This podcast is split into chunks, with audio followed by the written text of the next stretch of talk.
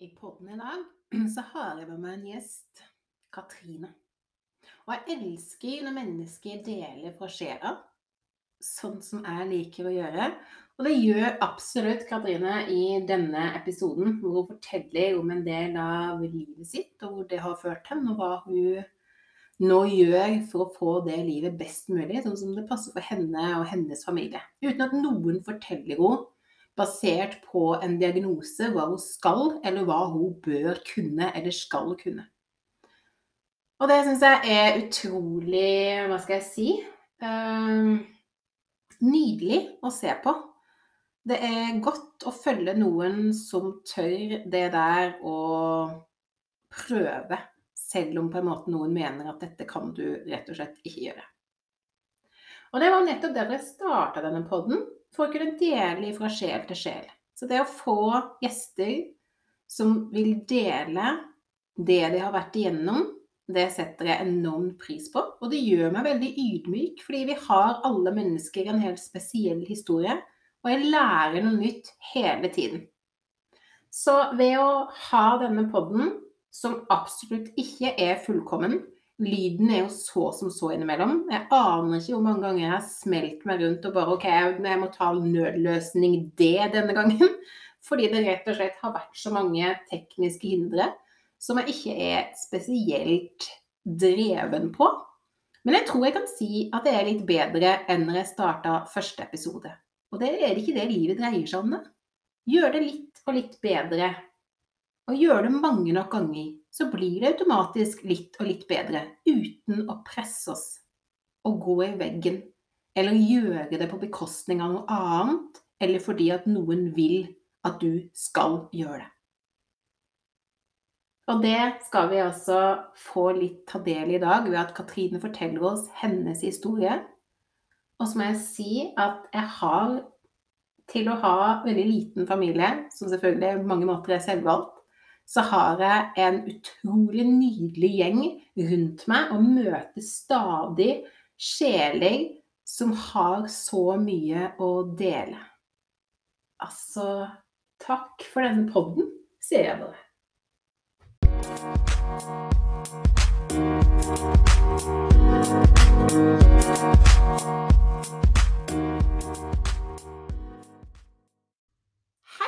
Og velkommen til Josefa-yoga fra sjel til sjel. Hæ? Var ikke det en sånn fancy intro? Men jeg må bare puste litt, for egentlig er jeg ganske, er ganske andpusten. For du skjønner, igjen skulle jeg da ha med meg en sånn fjerngjest. Ikke misforstå, det er ikke fordi gjesten er fjern, det er rett og slett fordi den er litt langdistans, er bedre å si. Men så var det disse tekniske utfordringene som dere vet at jeg kan slite med, og de kom også litt nå. Men jeg er så glad når man finner en løsning på det, og det har vi gjort. Mulig at ikke det er liksom 110% kvalitet på lyd, men jeg syns at jeg kan klare å holde dere med 93 i dag. Yes! Men jeg skal introdusere en som jeg ser veldig opp til. Jeg kjenner eh, denne dama. Og mine eldste barn kjenner henne som Krabbe-Katrine. Den historien skal vi spare til litt seinere inni her. Men Katrine, velkommen. Tusen takk. Det er en ære å få lov å ha deg med på poden. Jeg ble veldig glad når du svarte ja til å bli med. Ja, jeg er redd du kjenner så mange, og så spør du meg. Så det var egentlig jeg som Jeg har jo følt meg veldig bæra av å få lov til å være med på det her. Så koselig. Da er vi jaggu meg litt glad begge to. Altså, det må jeg si. Det er jo akkurat sånn det bør være, syns jeg. Ja, ikke sant? Da, da, er man godt i gang. Da er man godt i gang. Men du Katrine, jeg og du blei jo kjent på hvilken måte? Du, vi møttes i eh, Grimstad. Jeg var eh, tilflytter. Det var vel sånn cirka i skal vi snakke om det? Hvor mange år det var siden? Å oh, Gud, må eh, Det må jo ha vært i eh, var, Det var før jeg tok fagbrevet, ja. Så det må ha vært i 99 eller noe sånt. da. Ja. Kan stemme, det. Ja, jeg tror det var det. Og så Da jobba du som frisør. Mm -hmm. Og jeg jobba i en liten blomsterbutikk rett ved E18 i Grimstad.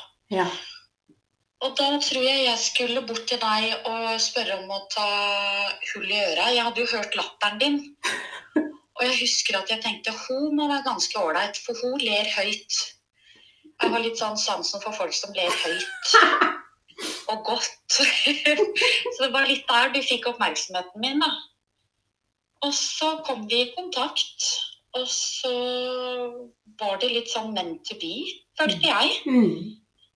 Eh, og så vet jeg ikke helt hvordan det ble til, men jeg begynte i hvert fall å passe mm, tvillingene. Ja. Og kosa meg veldig med det. Mm. Og flytta vel til Oslo etter hvert, da. Ja. Det hører jo sikkert at jeg kommer jo ikke akkurat fra Grimstad. Men eh, har jo mamma som har bodd på Fevik, da. Mm. Så har jo vært her masse om sommeren. Mm.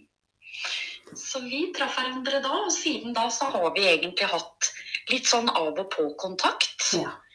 Eh, men det er det jeg føler med deg, at eh, det kan godt gå et halvt år før vi snakker sammen, men så er kontakten der allikevel med en gang, da. Mm. Ja, Det jeg, ja. det er jeg helt enig i. For du er jo det som jeg, jeg har alltid kalt deg engel. Og det for meg er det liksom ensbetydning med at du har veldig ren og god energi som det er godt å være rundt. Uh, og, og du er den som du sier, den venninna som liksom aldri peser meg på tid og sted. Men når vi prates, uansett eh, om vi møtes et besøk eller i telefon eller melding, så er det som du skulle vært liksom for eh, 20 minutter siden. Og det er sånne gode, eh, ekte venner, syns jeg altså. Det har vært helt nydelig. Mm, jeg er helt enig. Mm. Ja, det har vært noe spesielt der fra, fra egentlig første møte, syns jeg. Ja, jeg er helt enig. Det båndet har liksom alltid på en måte vært der, selv om vi liksom har kommet i ulike livssituasjoner i ulike daler med tanke på barn og liksom den Mm. tidsfasen der, da. Så har liksom den gode energien, den har liksom alltid vært på en måte opprettholdt uansett. Mm, Og det-. Det syns jeg er veldig, veldig fint. Helt enig. Vi skal ha litt eh, pausemusikk, og så skal jeg komme inn på litt mer hvorfor jeg spurte du om å være gjest i podden, Katrine. Mm.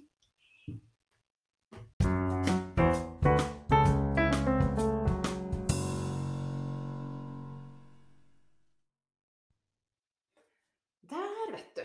Nå oh, du er flink. Applaus. Tusen takk. Vi har selvfølgelig hatt en liten sånn eh, pitstop, som de kaller det. Andre bytter dekk på bilen så kan kjøre videre. Vi fikser litt på lyden.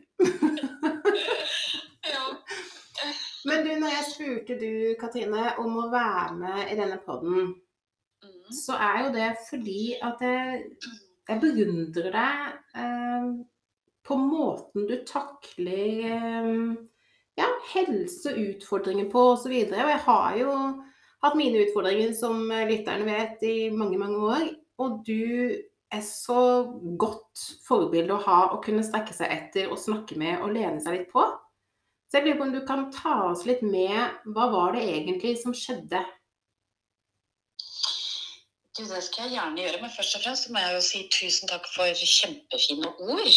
Det er jo utrolig rørende å, å høre. Så det tar jeg virkelig med meg og sier tusen takk for. Eh, det var i eh, 2009. Det var i november, husker jeg. Mm. Så begynte det med et eh, ubehag på høyre øye. Det kjentes litt ut som når du har noe på øyet, og så tar du inn på øyet, og så går det bort. Ja. Eh, men eh, når jeg tok på øyet, så vedvarte det bare. Det forsvant ikke. Mm. Og så tenkte jeg automatisk at eh, det er sikkert fordi jeg er litt sliten, og så jeg går og legger meg, og så er det borte i morgen. Eh, så jeg gjør det, og våkner da dagen etterpå og har da mista synet på det øyet. Så jeg våkner og går på badet og kjenner at jeg egentlig blir ganske redd. Fordi det her var jo for det første veldig ubehagelig, og det raser ganske mange tanker gjennom hodet på kort tid. Ja. Eh, så jeg hadde da en time hos eh, øye Eller skulle få meg nye briller, så jeg hadde time til synsundersøkelse. da, og kommer ned til henne og, og sier at jeg har noe ubehag på øya. Det er, det er et eller annet som ikke stemmer. Så hun undersøker meg godt, og så sier hun at du har ikke trykk på øyet ditt. Eh, så jeg sender deg videre til sykehuset, til en øyespesialist. Ja. Og tenkte ja, nei, da blir jeg i hvert fall sendt videre, og de tar det på alvor, og ja. Mm. Jeg setter meg i bilen og, og tenker For meg så virka det fornuftig der og da å bare kjøre. Men selvfølgelig med syn bare på ett øye, så er jo ikke det så veldig lurt, kanskje. At man kan kunne være litt fare i trafikken. Mm. Eh, så pappa kommer og henter meg og kjører meg til Arendal. Det tar ikke så lang tid før jeg kommer inn og blir undersøkt veldig godt av en veldig hyggelig lege. Eh, og blir lagt inn. Det gjør jeg, fordi de var veldig usikre på hva dette her kunne være. Mm. Så jeg det husker at det var på en torsdag, og blir jo lagt inn på sykehuset da. Og eh, masse undersøkelser på fredagen. MR, eh, ryggvæskeprøve. Eh, ja, noen eh, ledninger kobla til hodet, og skulle sitte og se på noen bilder. Så det var, det var masse undersøkelser eh, på fredagen og på mandagen etter. Mm. Eh, og jeg husker da når legen kommer på mandagskvelden inn til meg, da hadde jeg besøk av noen venner. Og når jeg møter blikket hennes, så skjønner jeg at OK, nå kommer det noe. De har, nå har de funnet noe. Jeg tenker det er jo bra at de har funnet noe, men hva er det? Jeg syns hun, hun hadde sånn alvor i ansiktet. Ja. Og så setter hun seg ned, og så sier hun vi er veldig usikre på hva dette her kan være. Eh, vi har funnet skygger på MR og hodet. Og vi er litt usikre på om det er svulst på hjernen eller MS. Oh, Gud. Og da kjente jeg bare at OK, det her er jo å velge mellom pest eller kolera, liksom. Mm. Og så prata vi, jeg husker ikke hva vi liksom snakka om etter det. Men Nei. Jeg husker at hun gikk, og så tenkte jeg at eh, hvis det her er NS, så skal jeg søren meg ha en fest. Mm. For da er jeg glad for at ikke det er svulst på hjernen. Jeg tenkte liksom alt annet enn det. Og det høres sikkert fælt ut, men for meg der og da så tenkte jeg jeg tar heller NS enn svulst på hjernen. Så var det jo masse undersøkelser. Ble skrevet ut. og ble, gikk det noen måneder, og så var det jo en ny runde med MR og alt det her før jeg fikk helt sikkert MS-diagnosen, da. Mm. Og det jeg hadde hørt om MS, var jo ikke spesielt hyggelig. Eh, jeg, jeg, det jeg hadde hørt, det var jo at de fleste havna i rullestol. De fleste hadde problemer med gange og det å bevege seg. Og kognitive, at de var glemske, at de hadde problemer med å spise. Jeg så for meg et helt annet liv enn det jeg hadde ønska, da. Ja, det er forståelig det, da. Og så eh, føltes det litt som Selvfølgelig er man gjennom en prosess, ikke sant. Man er Mm. gjennom en sorgprosess, og man er gjennom en prosess med 'hvorfor meg', 'hva har jeg gjort'? Det er så mange tanker, da. Mm. Hva har jeg gjort for å fortjene det her, ikke sant? Mm. Da husker jeg at eh, pappa sa til meg at nå må du vise hva som bor i deg. Ja. Og så tenkte jeg ja, det skal jeg søren meg gjøre. Mm. For du tok det positivt, det han sa der. Ja, jeg Ja. gjorde det. Bra. Jeg tok det veldig positivt. Og jeg tenkte da at herregud, det går da an å, å leve et tilnærma normalt liv med denne diagnosen, gjør det ikke det? Mm. Og så hadde jeg masse dialog med fastlegen min. Og jeg husker at jeg følte at jeg sto ved et veiskille Mm. og tenkte OK, nå kan du gå til høyre, og så kan du synes synd på deg sjøl og synes dette er rasende urettferdig.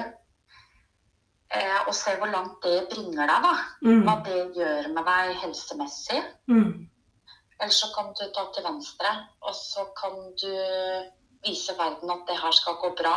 Mm. Og det er jo ikke bare for å vise verden, men for å vise meg sjøl òg, selvfølgelig. Ja. For det er jo jeg som skal leve med diagnosen. Ja. Men kan jeg spørre deg, hvilken, hvilken livsfase var du i da? Altså, hadde du samboer da? Altså, hvordan var livet ditt når du fikk denne diagnosen? Altså, da, var jo, da hadde jo jeg møtt Knut Terje, som jeg er gift med nå. Ja. Eh, og jeg fikk jo diagnosen i februar, og vi skulle gifte oss i juli. Ja. Og det var egentlig min største frykt, at han da skulle si den turen her vil ikke jeg være med på. Jeg vil ikke være med på den reisa du skal gjennom nå. Mm. Så det husker jeg var min største frykt, at han bare skulle si nå, dette vil ikke jeg. For det hadde jeg hørt om. Mm. Jeg hadde hørt at uh, noen hadde blitt forlatt, og Mm. det uh, tenkte jeg Det, det takler jeg ikke. Å skulle ha det i tillegg.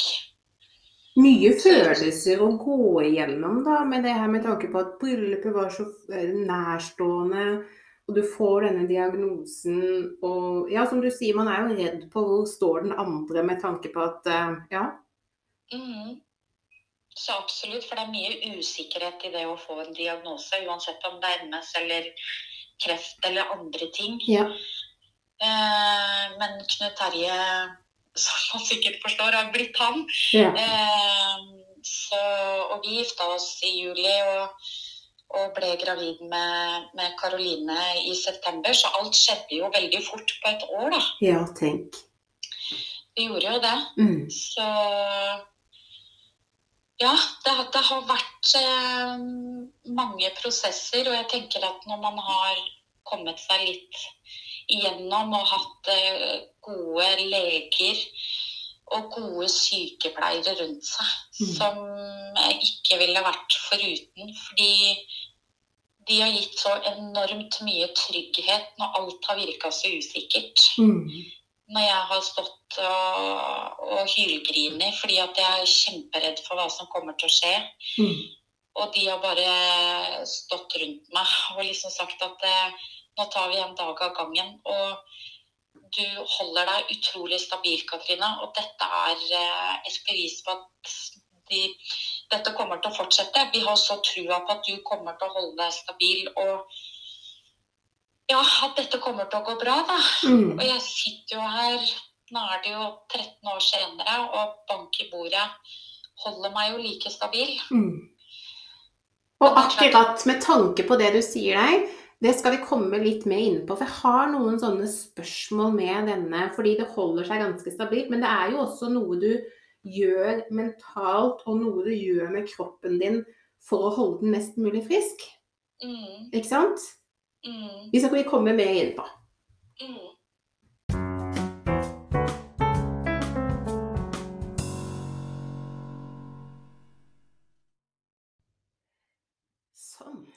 Og det er jo noe med det vi skal inn på nå, som vi alle, eller iallfall vi Jeg vet at veldig mange av lytterne som er med her, er enten kronisk syke eller har et eller annet helseutfordringer som de sliter med. Og det er jo noe vi alle må gjøre i hverdagen for å ha det best mulig, er jo noe med den motiveringa av oss selv.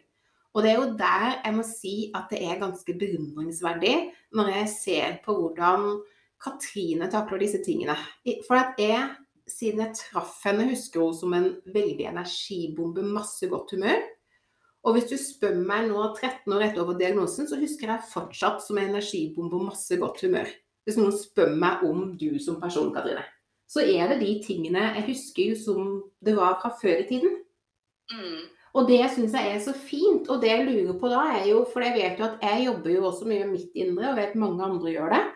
Men vi, ingen av oss er jo støpt i samme form. Vi er ulike personligheter og trenger ulike ting. mm, Men vi kan jo ofte ta noen tips fra hverandre og bli motivert av hverandre. mm, Eh, og før vi fortsetter reisen, så må jeg si at én ting du motiverer meg på år etter år, det er de der lange julebreva. For alle mine lyttere, her snakker vi ikke julekort, det er ut på dato for lenge siden. Denne dama driver med julebrev med bilder. Og jeg er så glad når jeg åpner det, fordi jeg får så innblikk i livet deres. Og for meg da, som gjerne kan være litt outsider til tider, så føler jeg at jeg er litt nær deg allikevel. Mm. Men hva er det som motiverer deg til å gjøre dette år etter år, og de andre tingene du gjør? Ta meg med. Nei, hva er det som motiverer meg? Det er vel Ja, det er jo på det her å dele, da. Mm. Hvorfor skal vi Hvorfor skal vi ikke dele? Mm. Eh, og det tror jeg Jeg blir jo litt mobba for det her hjemme, ikke sant. Når vi er på skogstur, eller når vi går til Gaustatoppen, eller Mm. at jeg snakker med folk. Mm. Mamma, Karoline sier jo det til meg. 'Mamma, du synger på butikken', og du kommer liksom i kontakt med folk overalt. Mm. Og det tror jeg kanskje ikke jeg hadde gjort hvis jeg ikke hadde fått denne diagnosen, da. Jeg elsker å snakke med mennesker som Ja, det, det, alle har en historie, og Mm. det syns jeg er interessant å dypdykke litt i. Da. Nå var ikke det noe svar på hvorfor jeg skriver brev, men det går på det her med å dele. Mm. At eh, sånn er livet. Jeg kan gjerne skrive kort og 'god jul', og 'vi har det fint og flott', og, og vi har det fint. Men det er ikke sånn hver dag. Det er ikke sånn alle 365 dager i året. Det er dager hvor jeg syns livet er dritt, og jeg syns alle rundt meg er noen rasshøl. Og jeg syns Ja, og hvor, jeg ikke har lyst til å, å være Katrine med, som har MS og Mm. Ja. Mm. Og, og så tenker jeg det er viktig å dele det òg, for jeg tror at da møtes man på et dypere plan, da. Jeg er, så, jeg er så utrolig enig med deg, og det er vel en av disse tingene som jeg tror jeg og du på en måte passer veldig godt sammen på også, for du er jo helt klart mye mer ut, altså ekstrovert enn det på en måte. Men vi har det der med at vi deler, og ingen av oss er noe glad i tabu. Nei. Jeg, det er derfor det har vært så, så viktig for meg, som du sikkert vet, og alltid hatt en drøm om å holde foredrag, ikke sant. Mm. Jeg har liksom tenkt at ja, kanskje, kanskje jeg har noe å komme med overfor andre som er kronisk syke.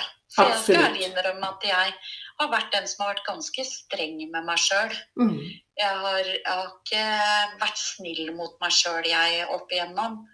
Eh, som har hatt noen kilo for mye og følt at ikke jeg har hatt utseende med meg. Og kanskje levd litt på det at jeg Ja ja, det er kanskje ikke pen, da, men jeg kan jo i hvert fall være morsom. Jeg Mm. kan få folk til å le. Mm. Og så fikk jeg muligheten til å, å holde foredrag, og da blir jeg litt sånn Pippi. Ja, Mm. Det har jeg ikke gjort før, så da får vi prøve, da. Mm. Og nå skal man kanskje få lov til å, å være med og holde foredrag igjen. Og så tenker jeg det er jo spennende. Hvis jeg kan Jeg trenger ikke å stå i en sal med 50 stykker og tenke at det, å, nå går sikkert alle de 50 ut med en følelse av at å, nå kan jeg erobre verden. Men hvis, det, hvis jeg klarer å nå én, da, Mm. så er det på en måte nok. Mm. Fordi det er så viktig, og det er greit at vi skal ha informasjon om hva som er risiko med MS, og hva som er risiko med medisiner vi går på.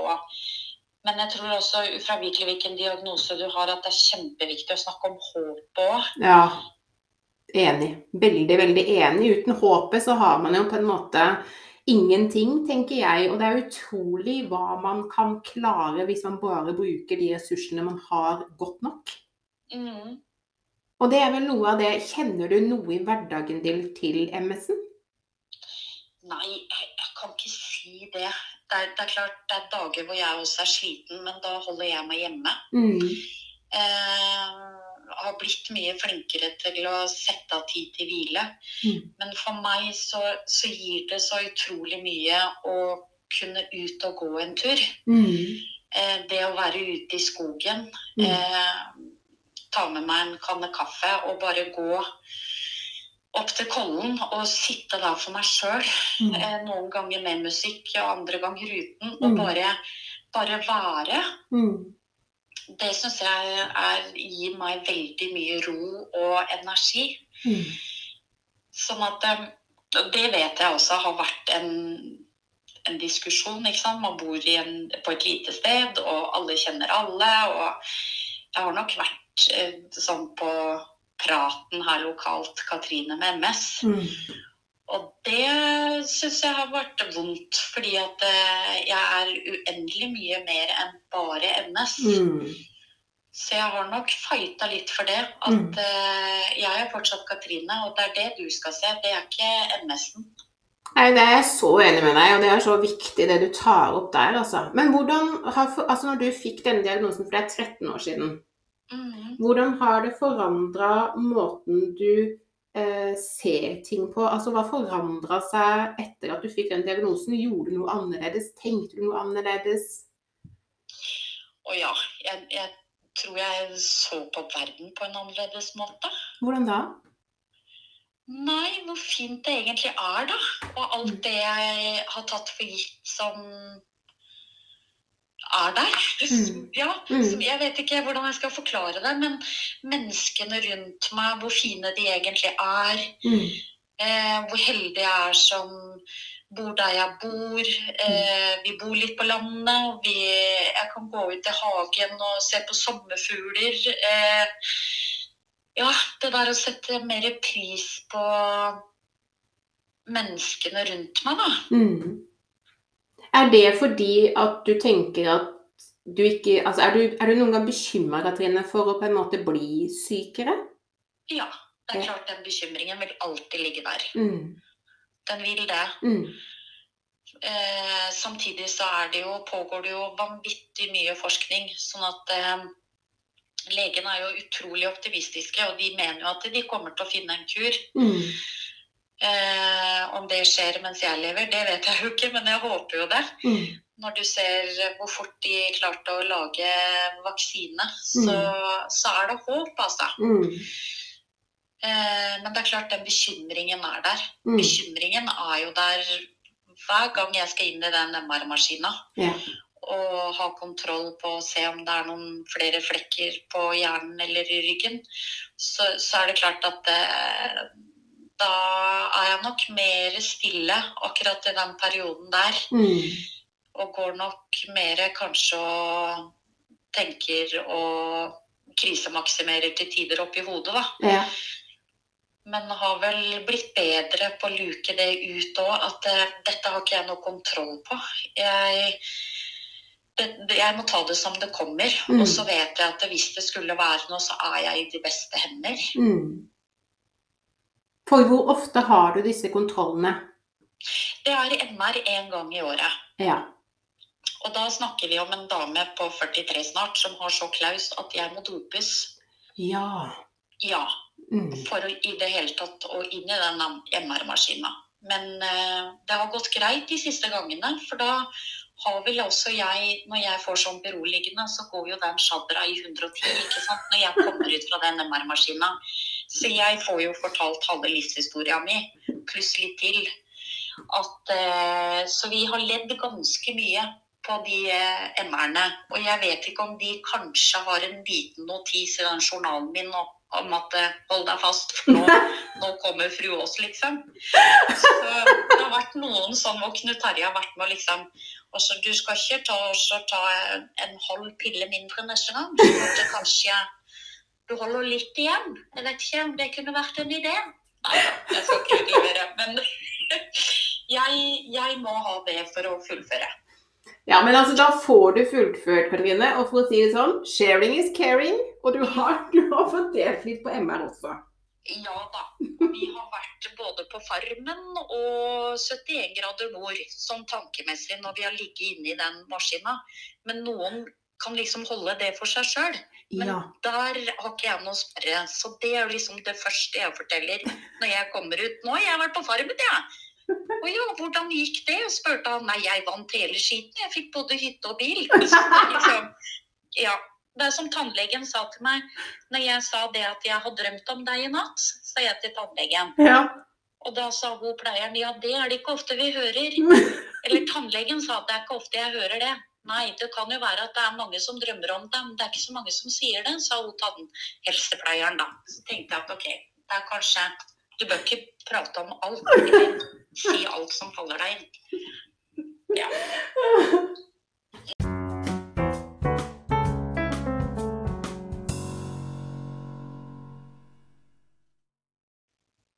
Da nå har jeg så lyst til å høre litt, fordi jeg vet jo at det der å bli mamma og ha en familie er veldig stort for du. Og det, Katrine, det har jeg liksom beundra deg veldig for. For du gjør jo ikke sånn som meg. Har liksom litt sånn pisten og histen, ettersom det faller seg inn. Altså du er jo liksom mer sånn grounded og litt sånn stabil. Det liker jeg med du, da, for da lander jo jeg litt når vi er sammen. Men jeg vil høre mitt familieliv. Dra meg gjennom, eller dra oss gjennom. Ja, jeg har jo alltid ønska meg stor familie. Mm. Eh, alltid ønska meg i hvert fall to barn. Ja. Eh, ja. Nå ble det jo ikke sånn for meg, fordi eh, Ja, som sagt, vi ble jo gravide med Karoline i 2010. Mm. Og syns jo som alle andre mammaer at hun bare var verdens fineste engel som bare kom inn og snudde helt opp ned på, på tilværelsen. Og ja, jeg, syns det bare var helt fantastisk fint å bli mamma. Mm. Eh, når Karoline var to og et halvt år, så eh, Jeg hadde i Helt siden jeg fikk eh, mensen første gangen, slitt med veldig store blødninger. Mm. Eh, og det forverra seg etter at eh, Karoline kom til verden. Jeg kunne ha mensen i 22-23 dager og ha opphold på to, og så kom den igjen. Sånn at det var jo noe som ikke stemte. Ja. Eh, og med tanke på at jeg skulle ha oppstart igjen på eh, medisiner etter at Karoline var født, så tar de masse blodprøver og, og undersøker, da. Mm. Og da husker jeg de ringte fra sykehuset på kvelden og snakka med en lege, og han sa at eh, jeg har sett litt på blodprøvene dine, og du har en blodprosent på 5,8. Oi. Og den er veldig, veldig lav, så det her må du liksom gjøre noe med. Og det er derfor jeg ringer til deg for å prate litt med deg. Og jeg tror han rett og slett liksom ville sjekke er, klarer du å følge med i samtalen. Og Ja, for den skal være mye høyere. Husker du hva den skal være? den skal være på 13. Ja, nemlig. Mm, Mm. mm. Så den var jo ganske lav. Ja. Og da var jeg ganske mørk under øynene òg, så du, jeg så jo litt ut som et spøkelse, egentlig, da. ja. Eh, så da reiste jeg til fastlegen dagen etterpå, og så sa jeg det at eh, kan dette ha noe sammenheng med menstruasjon? Mm. Så han sendte meg videre til gynekologisk undersøkelse på sykehuset. Mm. Eh, og der finner de da en tumor på 5 ganger 8 cm rett ved livmora. Oi. Og da ble det litt sånn snudd opp ned på verden, kjente jeg. For Mm. hva er det her for noe? Mm. Eh, vi skulle reise på familietur til Spania, for mamma den blei 65 år og skulle feire det.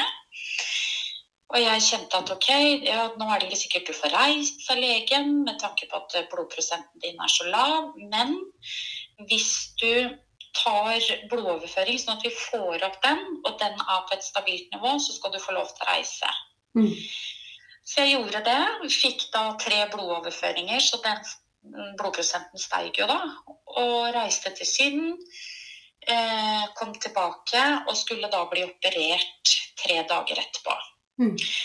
Og så var de veldig usikre på om de måtte fjerne livmora, eller om de kunne ta bare den tumoren, da. Fordi er jo det åtte år siden, ikke sant. Og det var jo fullt mulig å få flere barn. Det var jo det de også ønska, å ikke ta fra meg den muligheten, da. Ja.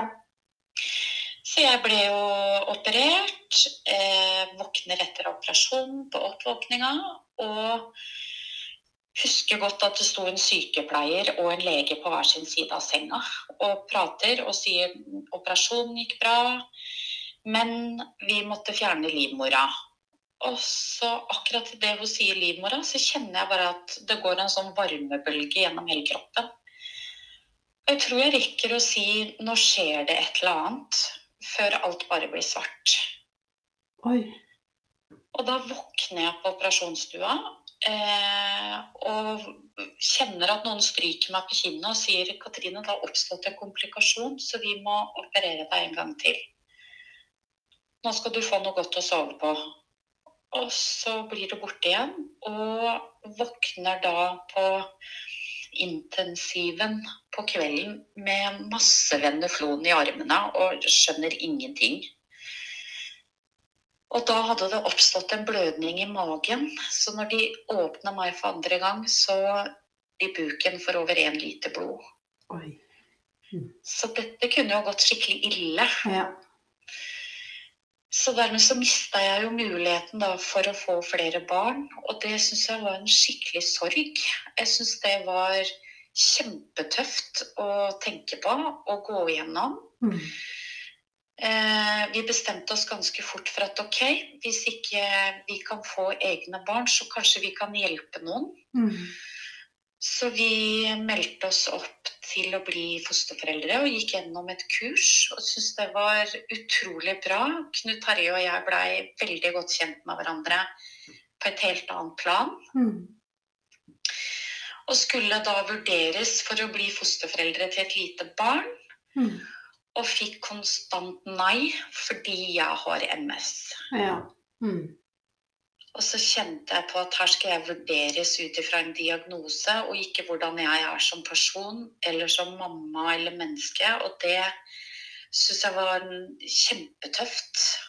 Ja, det er forståelig. Det må føles bønn urett, dønn urettferdig, altså. Mm. Mm. Og det er klart det har vært sårt for Karoline òg, ikke sant. For Ja. hun har jo ønska seg søsken. Mm. Og det har vært vondt å, å snakke om. Og Mm. Ja, å være ærlig på det og si at den muligheten, den, den skulle jeg så gjerne Jeg skulle så gjerne gitt deg søsken, men Mm. det sånn ble det ikke. No. Og så har, vi, har hun mange venninner som er her ofte, og som eh, Hun har ofte besøk. Og når den muligheten forsvant, så tenkte jeg at da skal i hvert fall den døra være åpen. Her Mm. skal det være rom for å ha mange på besøk. Og så har man kanskje blitt en større familie pga. det òg, da. Mm. Så selv om ikke det er blodsbånd, så, så har vi en ganske stor familie allikevel. Mm. Og det er så fint du sier det, fordi det har jeg liksom vært sånn hele tiden at eh, om man ikke har det mest perfekte helt etter Boshi cancer av familie, så er det mulig å lage sin egen.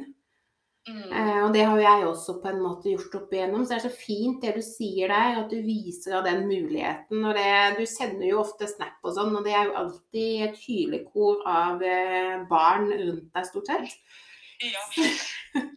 Vi, er, vi, er, vi liker jo å være mange, Mm. ikke sant? Jeg liker de samtalene rundt middagsbordet. Mm. Og som jeg har sagt til Karoline også, dere må bare være her. Mm. Men det innebærer også noen regler, ikke sant? At Mm. skoa skal i skohylla, jakka skal henges opp. Så kan dere gjerne være her og både spille brettspill og være ute og bake og lage middag og gjøre akkurat hva dere vil. Mm. Men når vi sitter rundt det middagsbordet, så er det ingen telefoner. Da skal vi snakke sammen, for da har jeg lyst til å høre hvordan dere har det. Og så har jeg lyst til å fortelle hvordan jeg har det. Mm. Og det er eh, utrolig mange fine samtaler vi har hatt rundt det bordet, altså. Og det er så fint at du sier det, for det, det, vi er også litt sånn slepphendte med mobil. Men liksom det der å ha med bordet og litt sånne ting som det der, å kunne snakke sammen, det syns jeg også er en skikkelig fin greie. Mm. Eh, og ettersom de blir større òg, liksom, nå unngår jeg sånne telefonsoner. Så spa og sånn når ungene blir eldre, er liksom helt kul. Ja, ikke sant?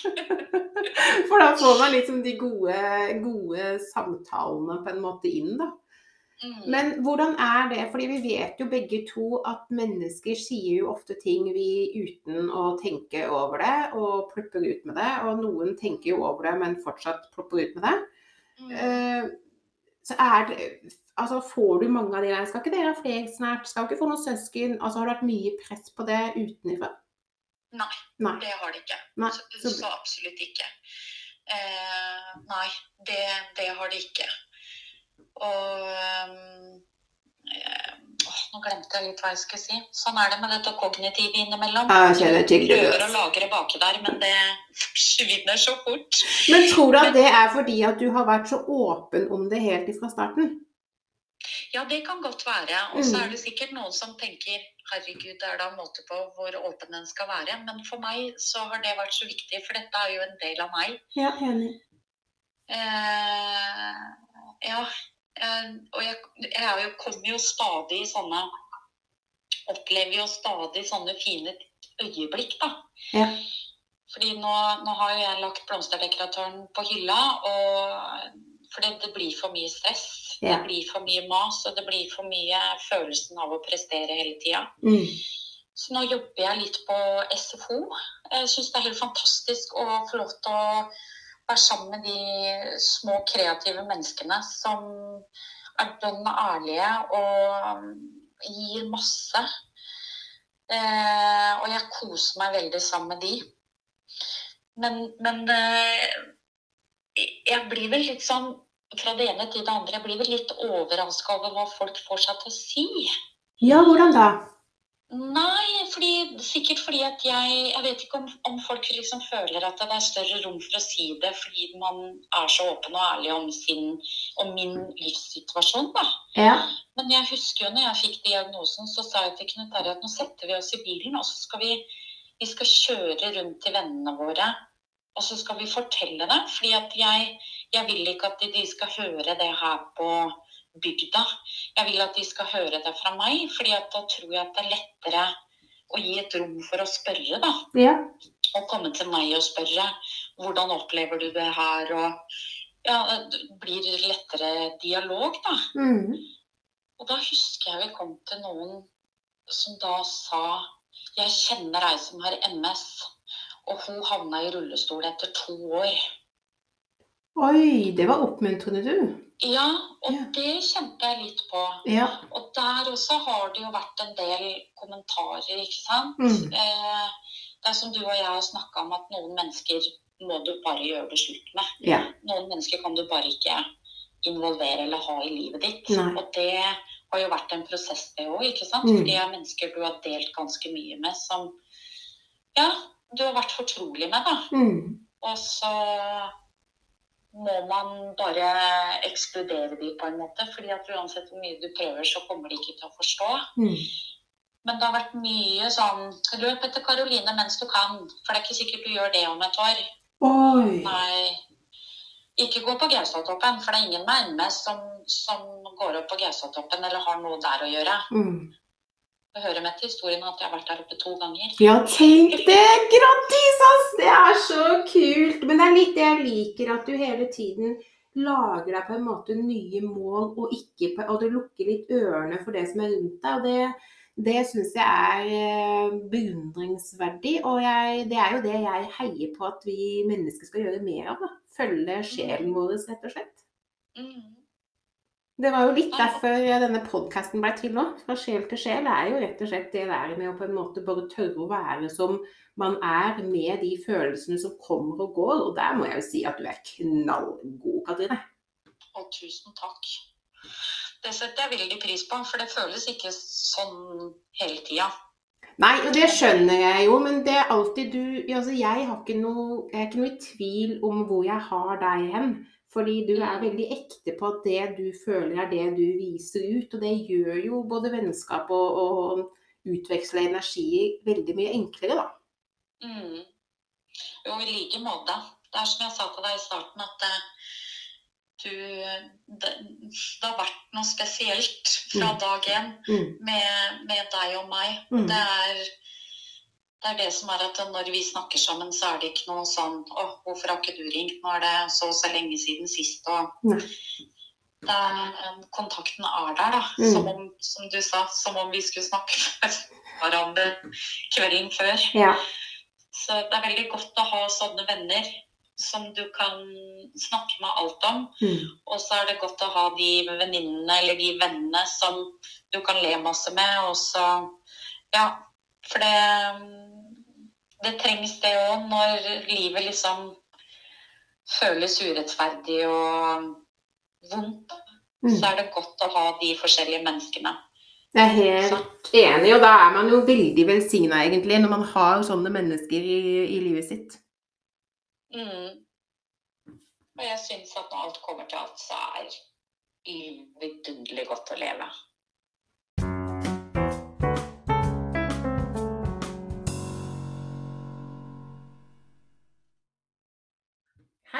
Velkommen til Alternative hjørne. I dag tenkte jeg at jeg skulle snakke med Katrine om hennes syn på alternativet, og om hun har noen historier som hun ønsker å dele. Og det kommer jeg til å gjøre med alle gjestene som jeg får inn i podden, fordi jeg syns at det er litt Vi får ulike perspektiver på det alternativet, og forskjellige historier. Og ved å dele med hverandre, så tror jeg vi blir mer opplyste, og vi lærer mer. Så Katrine, har du noe du vil dele med oss i det alternative hjørnet i dag? Og hvordan ser du egentlig på det alternativet? Og det fins eh, mye mer mellom himmel og jord enn det vi tror. Mm. Eh, det har jeg jo fått oppleve sjøl òg. Eh, ja, vi mista jo svigermor veldig brått og uventa for eh, noen år tilbake. Jeg hadde et veldig, veldig nært og spesielt forhold med henne. Vi delte veldig mye og snakka veldig åpent med hverandre. Eh, så det Når vi mista henne, så, så syns jeg det var eh, kjempetøft. Mm. Eh, og hun var nok en veldig hun, hun, så ikke noe alternativt på ting, hun. Jeg tror nok hun så, uten at det skal høres noe, noe vondt ut, veldig svart-hvitt på ting. da. Mm. Det var, at det er enten-eller. Ja. Eh, og for meg så har jo sommerfugler vært veldig symbolsk. Mm. Eh, jeg syns sommerfugler er veldig skjøre og veldig fine. Og ja, eh, det, det er veldig fascinert av sommerfugler. Eh, det hører også med til historien at eh, når jeg bodde på Lørenskog, så fikk jeg en veldig god kamerat som heter Kenneth. Eh, som dessverre døde veldig tidlig av kreft. Og en var der når han døde på sykehuset. Og da leide jeg en leilighet i Bærum og var daglig leder i en blomsterbutikk der. Og kom hjem og sto på verandaen og pusta litt. Og mm, da kommer det en sommerfugl og setter seg i nærheten av hånda mi. Jeg tenkte liksom ikke så mye på det da. Men så gikk det noen måneder, og da kom eh, broren til Kenneth med et brev som Kenneth hadde skrevet til meg. Og i det brevet så sto det når jeg dør, så tror jeg at jeg blir en sommerfugl, og den første jeg kommer og besøker, det er deg. Oi. Å, det var vakkert, da. Så sommerfugler for meg, det, det, er veldig symbolsk. Mm. Og når mor også Jeg kalte henne jo mor, svigermor. Når Mm. hun også døde, så var det sommerfugl med en gang. Mm. Eh, når vi er oppe på grava hennes, så er det sommerfugler der. Det er veldig spesielt. Så at de er her og passer på oss, ja, det tror jeg. Mm. Jeg har ikke fått noe sånn banking inn noen dører eller noe, noe, noe sånt noe. Men, men at eh, en følelse av at de er her og passer på, ja, Mm. det har jeg. Ja. Mm. Jeg vet jo at du også har vært litt til healing. Ja. Og det syns jeg er helt fantastisk. Mm. Healing og fotsone. Ja. Ja, det har gitt meg utrolig mye. Mm. Hva er det det gir deg egentlig? Altså, kan du beskrive det? Det gir meg en sånn sjelero. Mm. Jeg føler at jeg kan ja, puste. Mm. Sånn ordentlig puste. Mm. For du er jo en veldig åpen person, for jeg har jo også gitt deg healing noen ganger, og du tar jo, resonnerer jo på en måte veldig godt på det. Mm, jeg syns det er en sånn jeg, ja, jeg har jo også en fastlege som er veldig alternativ, og han mener jo at healing og fotsone burde være på blå resept. Og det har vel egentlig jeg og han blitt enige om at det skal vi jobbe litt for. Mm. Jeg er Det så. Ja, helt enig. Mm, Mm. for det Nei, det gir meg enormt mye ro i kroppen og senke skuldrene mine. For jeg, jeg har jo et lite mesterbrev i å stresse. Jeg er veldig god på det. Mm. Når det smeller litt rundt meg, så Ja. Det er jo som Knut Terje jeg snakker om, at hvis det begynner å brenne, så løper jeg. Mens han er litt mer sånn Ja, skjorta mi med oss garten, og skjorta mi med oss med oss den, for den er også kanskje litt lurt å ta med. Ja, han er mer den som kan tenke gjennom ting litt fortere, da. Jeg ler jo veldig godt av den gode sammensetningen som på en måte er blitt ført hit, da, eh, når det gjelder du og Knut Terje din, Fordi det er jo som du sier, han er jo veldig fjellfast, veldig stødig. Eh, og kan sikkert irritere fordi han er så stødig og så rolig, mens du på en måte er litt sånn som meg, litt sånn Når du førstens på en måte koker litt. Ja, som gjerne liksom Kan vi svare med litt entusiasme, kanskje? Eller er det vanskelig? Entusiasme sitter litt langt inne, kanskje. Jeg er jo litt sånn at hvis folk svarer ja, Mm. jau, Ja. ja, så har jeg jo skjønt at akkurat i den ja eller jau for en sørlending, der ligger det veldig mye svar, egentlig. Det er ikke bare ja. Ja. Sånn at jeg hadde jo i mitt første møte med Knut Terje hadde jeg egentlig bestemt meg på forhånd før jeg traff han, uten at jeg visste det selvfølgelig, da. Men jeg skulle aldri møte noen fra Froland som gikk i snekkerbukse og som bodde hjemme hos mora si. Nei. Du bare glemme. Mm. Altså, det er det siste jeg skal være sammen med. Ja. Og så flytta jeg jo nedover, og traff jo Knut Terje bare ei uke etter jeg hadde flytta ned. ja. Og når jeg da prater med han på utestedet på Galleri i Grimstad, og spør han hvor bor du? Nei, jeg bor i Froland. Da er det jo første varsellampa, ikke sant? Ja. Ja, og da ble jo jeg litt sånn Har han på seg snekkerbukse? Nei, det har han ikke. Det var jo godt. Og hvor i Froland bor du da? Nei, hjemme hos mamma. Og det var jo Altså, han bodde jo ikke der, men han var jo hjemme der i helgene. Ja, ja, Så jeg møtte jo meg sjøl litt i døra der, da. Men nå er det jo 16 år seinere, vi er jo fortsatt kjærester. Nemlig. Så nei, han er veldig trygg. Mm. Han er en sånn søyle av trygghet når det stormer. Ja. En bauta, tenker jeg, som man vil ta med seg litt når man uh, møter litt sånn uh, storm ute på havet der, så er nok uh, det en mann som er veldig bunnsolid å ha med seg, uten tvil. Han er det, altså. Mm. Så nei, han Han har kommet for å bli, håper jeg. Mm. Så ja. Men tenker du noen gang på det, Katrine? Fordi at alt skjedde jo veldig fort med tanke på du fikk denne diagnosen, og så gifta du deg, og så ble du gravid med Karoline. Og, og ting liksom stabler seg. Er det liksom, tenker du noen gang at det er en gave fra universet, på en måte? Alt dette som har liksom setla seg så bra rundt deg, selv om du har den diagnosen som du på en måte har, da? Ja. Mm, Uten tvil. mm, Uten tvil. mm. Så absolutt. Og jeg har jo også tenkt, ikke sant, at åh, hvorfor Hvorfor har alle andre det så bra, ikke sant, økonomisk og Mm. For det er ikke til å legge under en stol at det å være kronisk syk, Mm. det medbringer ikke akkurat eh, store inntekter. Nei, det det Eh, og i hvert fall når du må jobbe redusert, ikke Mm, sant, mm. Så, så gjør jo det helt klart noe med økonomien. Mm. Men eh, nå mista jeg helt tråden. Ja, men det går fint, for alle vi vil at jeg skal synge en sang imens, eller skal ta pause. Da kan du velge at du må gjerne synge. Ok, at jeg kanskje lytterne er litt mer glad hvis vi tar en pause. Altså, hvis det er sånn. Ja, det kan vi da. Ja, da er du inne på, Katrine. Ja, da er vi innpå igjen, for jeg mista tråden litt. jeg vet du, Så måtte vi ha en pause for å finne den igjen. Men, men nå er den der, tror jeg. Ja.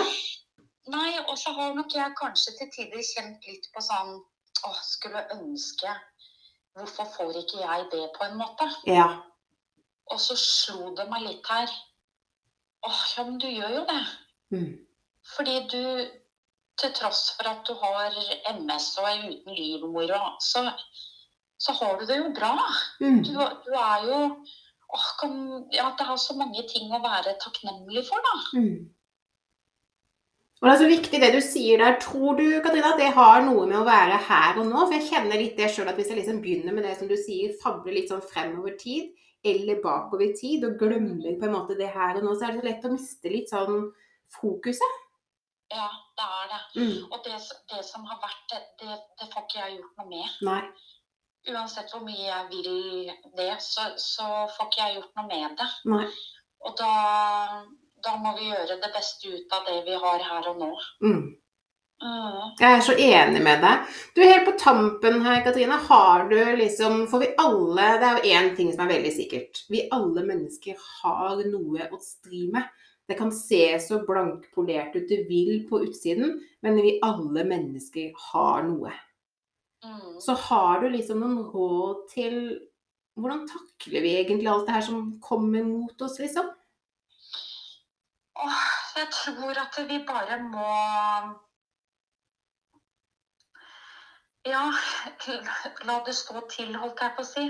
Det er lov å være sint og lei seg og jeg, tror at når vi går gjennom det, og så setter vi også pris på de gode dagene. Og så er det lettere å gå gjennom de kjipe dagene, fordi at eh, det er jo flest de gode dagene. Mm. Jeg er så enig. Går det egentlig an å avrunde litt med det rådet som faren din ga deg på sykehuset? Hva var det igjen? Nå må du vise hva som bor i deg. Mm. Og hvordan tolker du det? Hvordan, altså, hvordan ser du på det? Nei, jeg ser på det som at eh, man skal være god mot seg sjøl, og så Mm. skal man være god mot andre. Og Det er så viktig det du sier der, fordi at man kunne jo tatt det der som et råd som at nå, nå skal jeg bare fighte, nå skal jeg ikke kjenne, nå skal jeg bare være den utbryterkonge. Mens du tok det som at nå skal du være snill med deg selv og andre, og det syns jeg var så innmari bra. Mm. Det er et fint råd, det der, altså. Veldig Jeg fint. syns det. Mm. Og mine eldste de har jo kalt eh, pappaen din eh, Donald, fordi han er jo veldig flink til å lage denne Donald-stemmen sin. Ja. Og så må vi jo ha inn en siste historie på tampen her. Og det er rett og slett at eh, du fikk jo av mine eldste kallenavnet Krabbe-Katrine. Mm. Hva var det egentlig som skjedde der? Altså, da var vi på stranda. Og fanga krabber.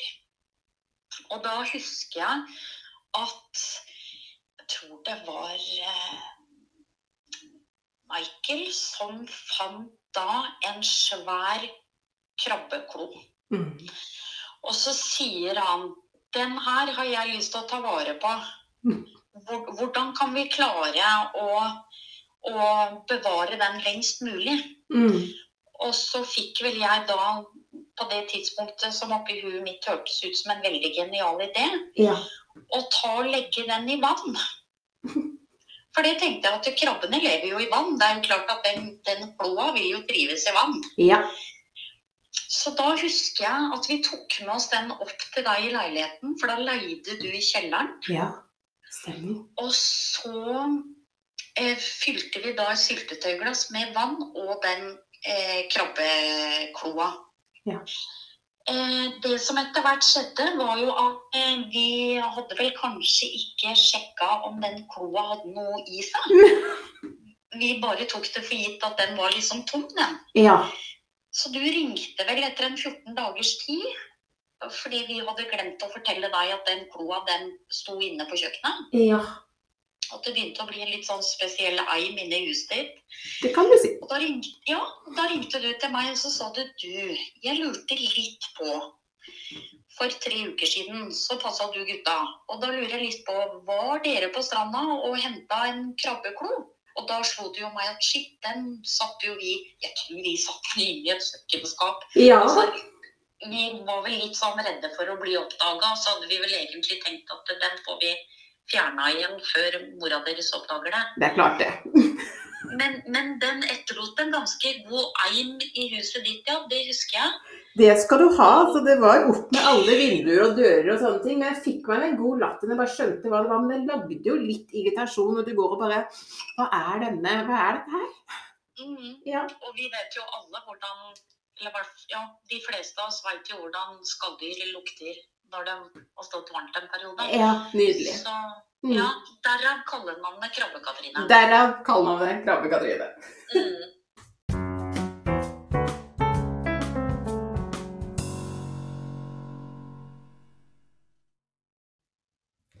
Det var Josefa yoga fra sjel til sjel denne uka.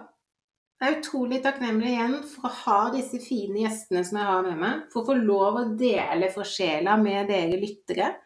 Jeg setter umåtelig pris på tilbakemeldingene jeg får, det skal dere vite. Det er en supergod motivasjon.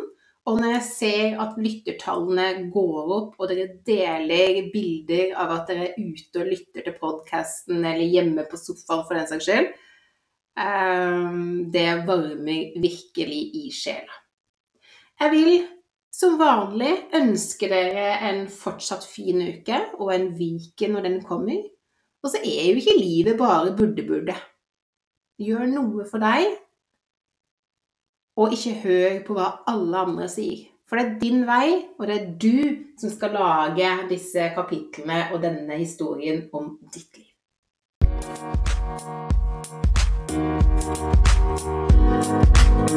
Thank